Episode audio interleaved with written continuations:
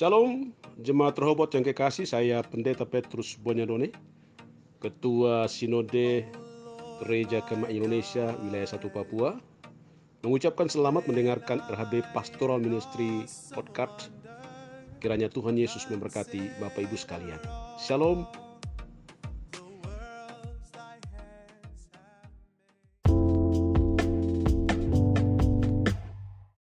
Shalom, Jemaat Rehoboth, di mana pun berada. Bersyukur kembali kita boleh berjumpa di uh, siaran podcast malam ini, Senin 9 November 2020. Dan uh, harapan saya uh, bahwa jemaat selalu senantiasa ada dalam kasih Tuhan dan penyertaan Tuhan. Bagi orang benar, kita pasti akan diberkati Tuhan. Dan malam ini saya rindu mengangkat satu topik uh, yang berbicara tentang hikmat dan pernikahan. Ya, saya ulangi malam ini saya rindu membagikan satu topik uh, yang berbicara tentang hikmat dan pernikahan. Uh, mengapa? Karena momentum akhir tahun ini kita sepertinya kayak mengenang masa-masa uh, yang manis atau momen-momen yang manis di dalam keluarga. Namun tidak bisa dipungkiri bahwa dalam akhir tahun juga ini ada kita mungkin keluarga yang bergumul dengan pergumulan yang berat sehubungan dengan uh, pergumulan keluarga dan kita sangat sayangkan ya pasti kita sangat menyayangkan karena sebentar lagi kita akan masuk di bulan Desember yang kita harapkan bersama bahwa kita ingin merasakan sukacita Natal bersama keluarga dan kita harus diperhadapkan dengan sebuah pergumulan di akhir tahun. Tetapi sebagai orang percaya kita harus tetap beriman dan berserah kepada Tuhan. Dan itu sebabnya saya rindu uh, menyampaikan topik pada malam ini tentang hikmat dan pernikahan. Mari kita buka firman Tuhan dari Amsal 30 ayat 21 sampai 23. Amsal 30 ayat 21 sampai 23. Sambil Alkitab kita terbuka, saya pimpin kita di dalam doa. Mari kita berdoa. Bapa yang di sorga, kami menaikkan syukur karena hari ini kami boleh lewati sampai dari pagi sampai malam oleh karena kasih karunia Tuhan. Terima kasih Tuhan buat semua pekerjaan dan aktivitas yang boleh kami lalui. Dan malam ini kami bersyukur ada kesempatan kembali merenungkan firman-Mu dan sebelum kami belajar kami sangat membutuhkan pertolongan Roh Kudus sehingga kami diberikan pengertian yang dalam yang benar dan secara khusus hamba tolong hamba Tuhan untuk menguraikan seperti yang Engkau kehendaki karena ini firman-Mu berkuasa. Dalam nama Yesus kami berdoa menyerahkan waktu ini. Amin. Mari kita membaca firman Tuhan dalam Amsal 30 ayat 21 sampai 23. Firman Tuhan berbunyi demikian, karena tiga hal bumi gemetar, Bahkan karena empat hal ia tidak dapat tahan.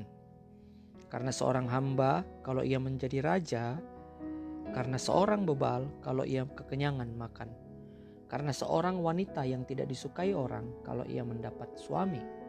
Dan karena seorang hamba perempuan kalau ia mendesak kedudukan nyonyanya.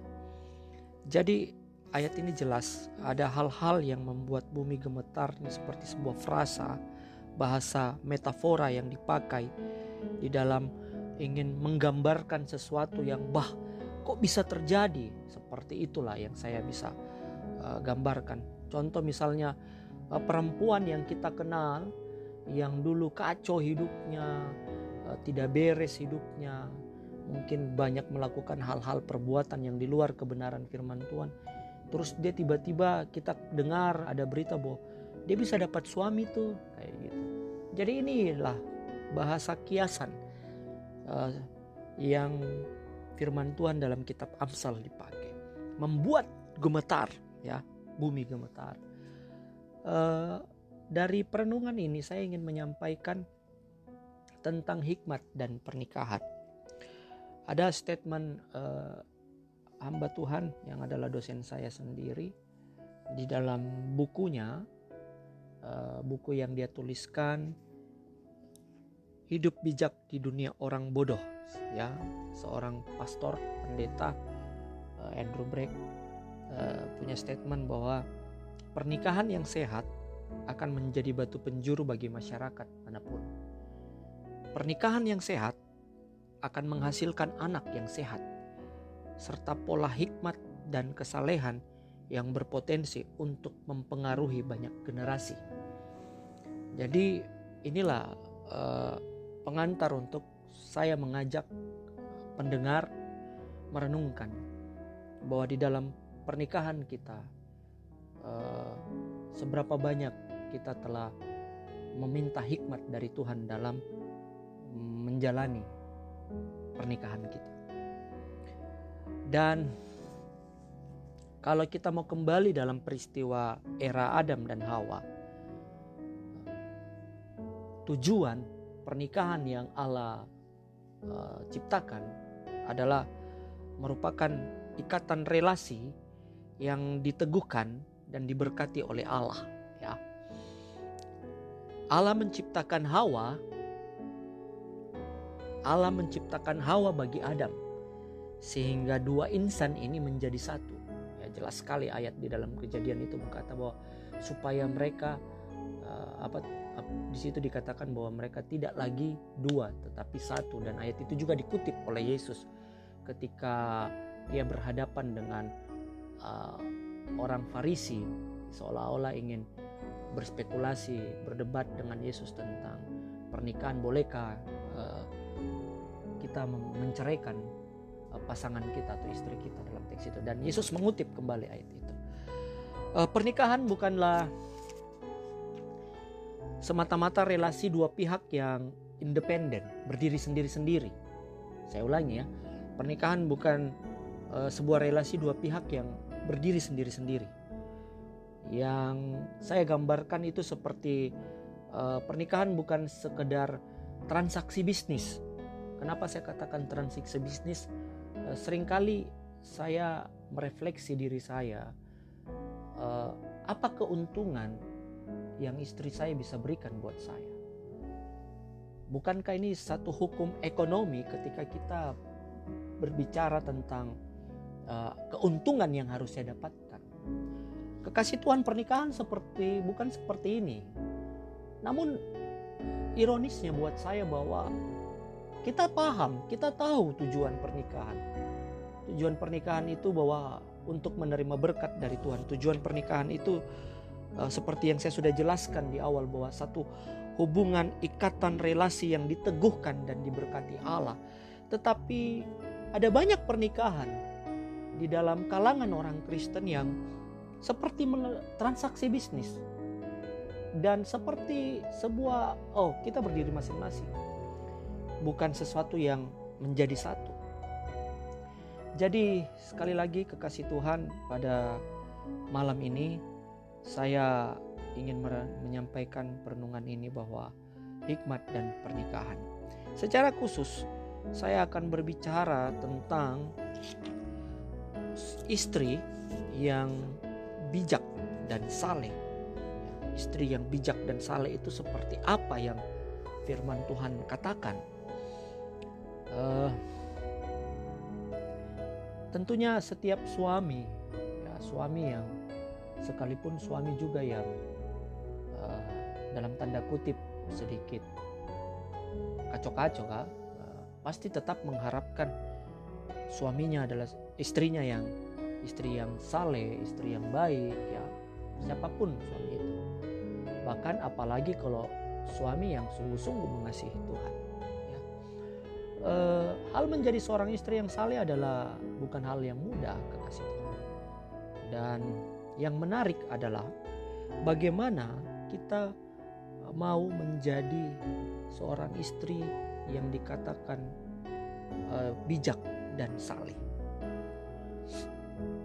dalam firman Tuhan ada banyak ayat dan teks mengatakan bahwa uh,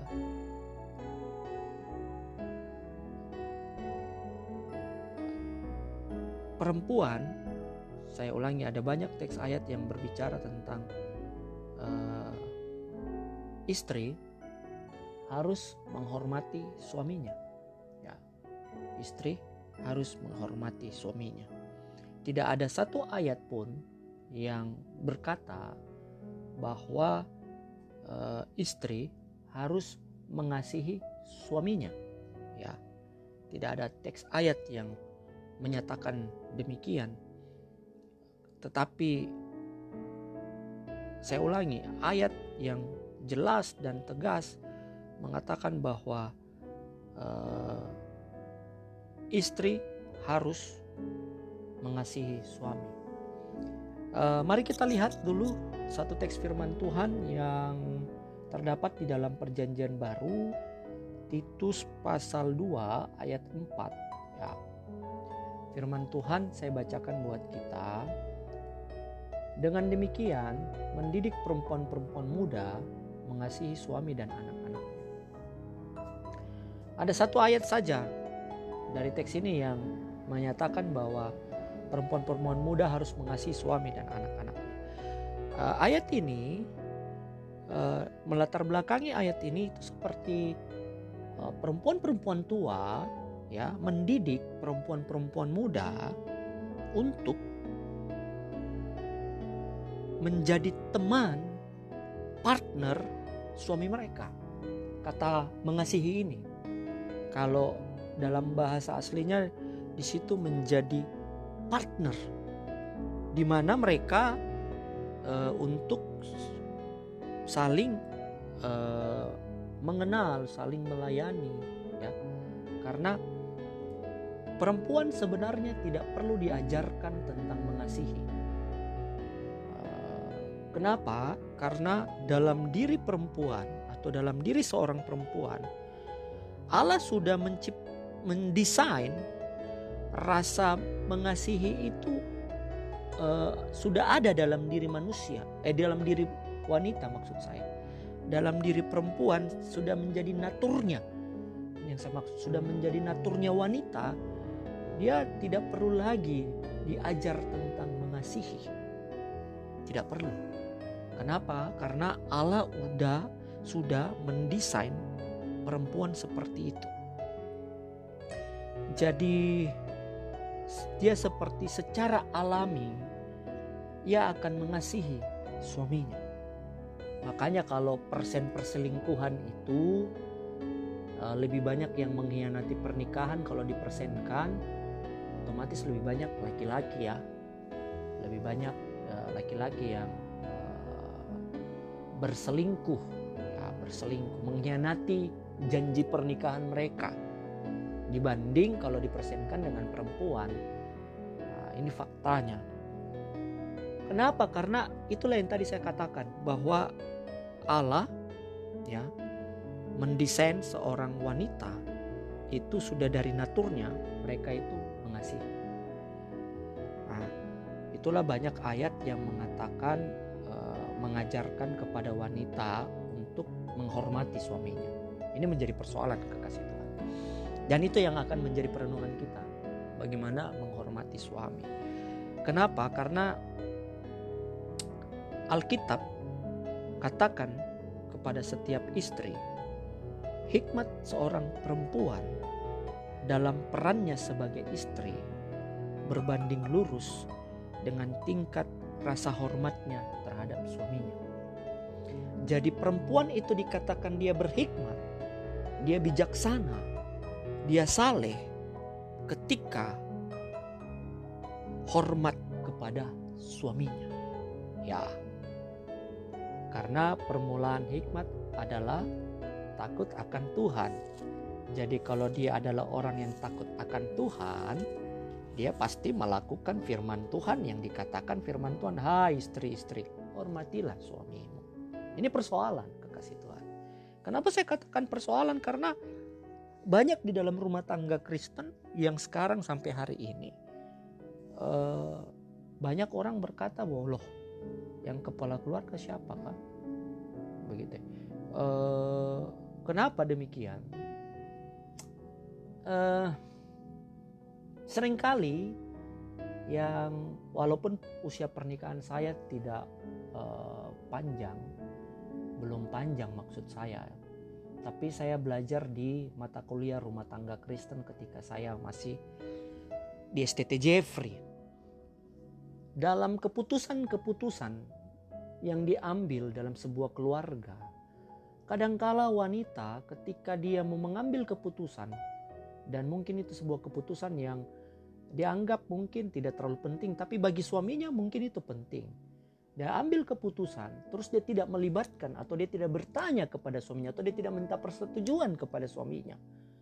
Dan akhirnya keputusan itu sudah diambil dan akhirnya suaminya tahu, loh akhirnya suaminya apa? tidak merasa dihargai, tidak merasa dihormati. Saya mencoba merenungkan kembali waktu Hawa ingin ambil buah pohon itu, ya. Ada banyak spekulasi, ada banyak uh, tafsiran secara uh, yang waktu saya kuliah kami banyak berdiskusi. Ada yang berkata bahwa waktu Hawa mengambil buah itu ada Adam di sampingnya. Ya. Ada Adam terus diambil. Ada juga yang berkata uh, Hawa mengambil buah itu uh, tanpa sepengetahuan suaminya, tanpa izin dari suaminya atau minta kita ambilkah, kita cabutkah. Nah, ini cuma uh, tafsiran pribadi saya. Dan faktanya di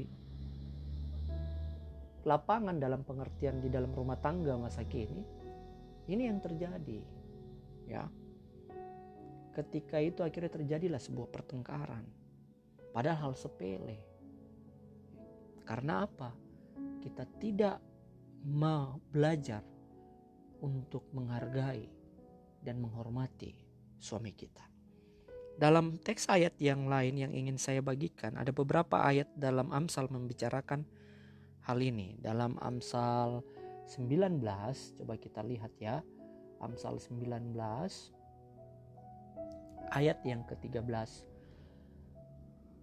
sampai ayat 14 dikatakan demikian firman Tuhan anak bebal adalah bencana bagi ayahnya dan pertengkaran seorang istri adalah seperti tiris yang tidak henti-hentinya menitik lihat jadi ketika terjadi sebuah pertengkaran. Ini Amsal yang katakan bahwa pertengkaran dengan istri itu seperti tiris. Tiris itu seperti uh, titik-titik uh, air yang terus uh, menetesi satu tempat ya, satu uh, di rumah pastori dua ini ada uh, apa alkon, alkon eh alkon. Uh, kalau hujan itu ada satu uh, bocor di bagian bagian belakangnya pas di uh, dapur dapur kami. Itu ada air merembes menetes terus di uh, plafon yang sudah baru diganti. Akhirnya rusak lagi karena dia terus menetes. Inilah gambaran bahwa ketika pertengkaran dengan istri dan istri tidak henti-hentinya ingin terus mengungkit-ungkit berkoar-koar terus ber, berkoar mengungkit kembali masalah-masalah. Akhirnya ini seperti hal yang itu tadi di analogikan digambarkan oleh kitab Amsal. Itu akan bisa merusak. Merusak ya. Jadi kadangkala memang sebagai istri sebagai istri yang mau dikatakan bijak ketika ada pertengkaran ya uh, lebih baik uh, diam dulu kalau masih lagi emosi. Ada uh, petua-petua kata-kata bijak orang tua-tua dulu uh, jangan bertengkar pada saat bersamaan jangan marah pada saat bersamaan. Ya jangan malahan ada yang berkata yang lebih banyak berbicara itulah itulah yang salah. Ya. Tetapi dalam ayat lain yang ingin saya coba bagikan untuk kita lihat ya dalam bagaimana istri yang bijak dan saleh uh, Amsal 21 ayat 9 ya. Mari kita lihat. Amsal 21 ayat yang ke-9 di situ dikatakan Lebih baik tinggal pada sudut soto rumah daripada diam serumah dengan perempuan yang suka bertengkar. Dan ayat yang 19 mari kita lihat kembali dalam pasal yang sama, lebih baik tinggal di padang gurun daripada tinggal dengan perempuan yang suka bertengkar dan pemarah. Jadi dua gambaran ayat ini apa ya? Ini adalah saya mau katakan begini. Kalau sebuah pilihan, ini adalah pilihan sama-sama pilihan yang buruk. Uh, tetapi dia akan mengambil pilihan sekalipun pilihan yang sama-sama buruk. Dia akan mengambil pilihan yang di mana dia bisa rasa nyaman sekalipun itu buruk. Ya, sekalipun itu sesuatu yang membuat dia juga tetap tidak nyaman. Tetapi dia lebih memilih itu daripada membuat dia hal yang lebih tidak nyaman lagi. Coba digambarkan ayat ini jelas. Lebih baik tinggal di padang gurun. Ada yang mau tinggalkah di padang gurun secara rafiah? Ini digambarkan bahwa mending biar sudah. Kadangkala eh, ketika kenapa terjadi sebuah perceraian? Orang berani laki-laki berani mengambil sudah eh, saya kasih tinggalku sudah. Kenapa? Karena akhir dia sudah tidak tahan.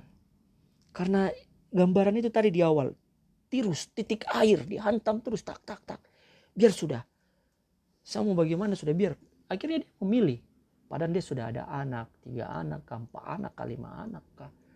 Ya seperti banyaklah kita bisa lihat. Akhirnya dia berani mengambil keputusan yang sebenarnya tidak tepat, tidak baik. Tapi dua-dua pilihan yang buruk.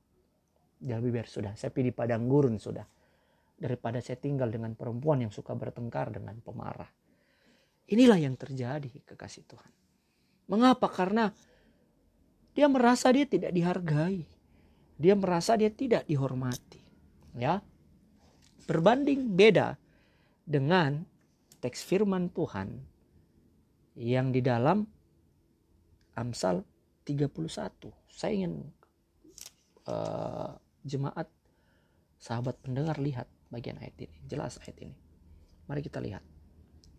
Uh, jadi perempuan yang bijak, perempuan yang saleh ya dia itu digambarkan dalam Amsal 14 digambarkan perempuan yang mendirikan rumahnya. Tetapi sok perempuan yang bijak yang adalah yang mendirikan rumahnya. Tetapi yang bodoh meruntuhkan meruntuhkannya dengan tangannya sendiri. Jadi perempuan yang bijak itu adalah perempuan yang mendirikan rumah. Coba dikatakan, bagaimana perempuan yang mendirikan rumah? Jelas dalam perhal, eh, kalau kita bandingkan lagi dengan Amsal yang 31 gambaran istri yang ideal dalam Amsal 31 saya mau uh, kekasih Tuhan pendengar melihat dalam ayat 12 coba kita lihat ayat 12 ayat 12 dikatakan perempuan ideal itu dia berbuat baik kepada suaminya. Ya dia berbuat baik bahkan jelas sekali tegas dikatakan dan tidak berbuat jahat sepanjang umurnya. Jadi selama dia hidup, selama dia dengan suaminya, dia hanya mau berbuat baik. Dia tidak pernah mau merancangkan sesuatu yang jahat dengan suaminya. Atau ada satu pikiran yang berpikir negatif dengan suaminya. Ya, merancangkan hal yang tidak baik kepada suaminya. Di ayat yang lain lagi, dalam ayat 23. Perempuan yang ideal adalah suaminya dikenal di pintu gerbang. Ya, kenapa? Karena ia memiliki istri yang menghormatinya. Dan di situ dikatakan ya, jadi kecantikan seorang wanita yang sesungguhnya berasal dari rasa takutnya akan Tuhan. Itulah wanita yang cantik. Itulah wanita yang bijak. Itulah wanita yang saleh. Karena kecantikannya berasal dari rasa takutnya akan Tuhan. Mari kita berdoa. Terima kasih Tuhan Yesus. Kami bersyukur boleh mendengarkan firman Tuhan malam ini. Dan firman-Mu tidak akan pernah sia-sia. Siapa pun pendengar yang mendengarkan firman Tuhan ini, biarlah Tuhan berkati dengan firman-Mu itu sendiri. Yang adalah firman ya dan amin. Dan malam ini hamba menyerahkan setiap jemaatmu di dalam peristirahatan mereka. Engkau sendiri yang menjadi perisai bagi mereka, menjaga, menjauhkan dari segala malapetaka, mara bahaya, kecelakaan, bahkan kuasa-kuasa jahat. Di dalam nama Yesus kami berdoa dan bersyukur. Amin. Terima kasih sahabat pendengar yang boleh sedia mendengarkan podcast malam ini. Shalom, Tuhan Yesus memberkati.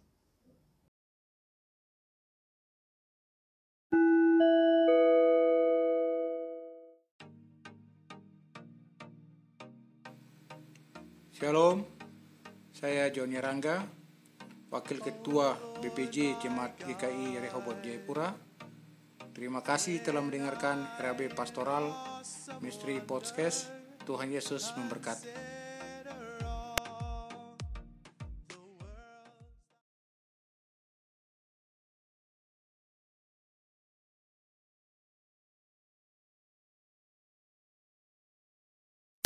Praise God from whom all blessings flow.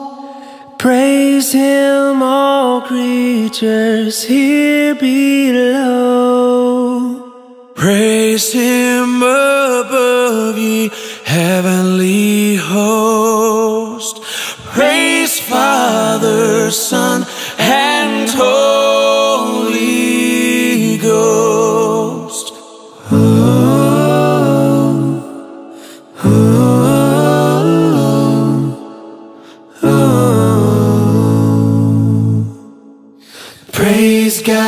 try.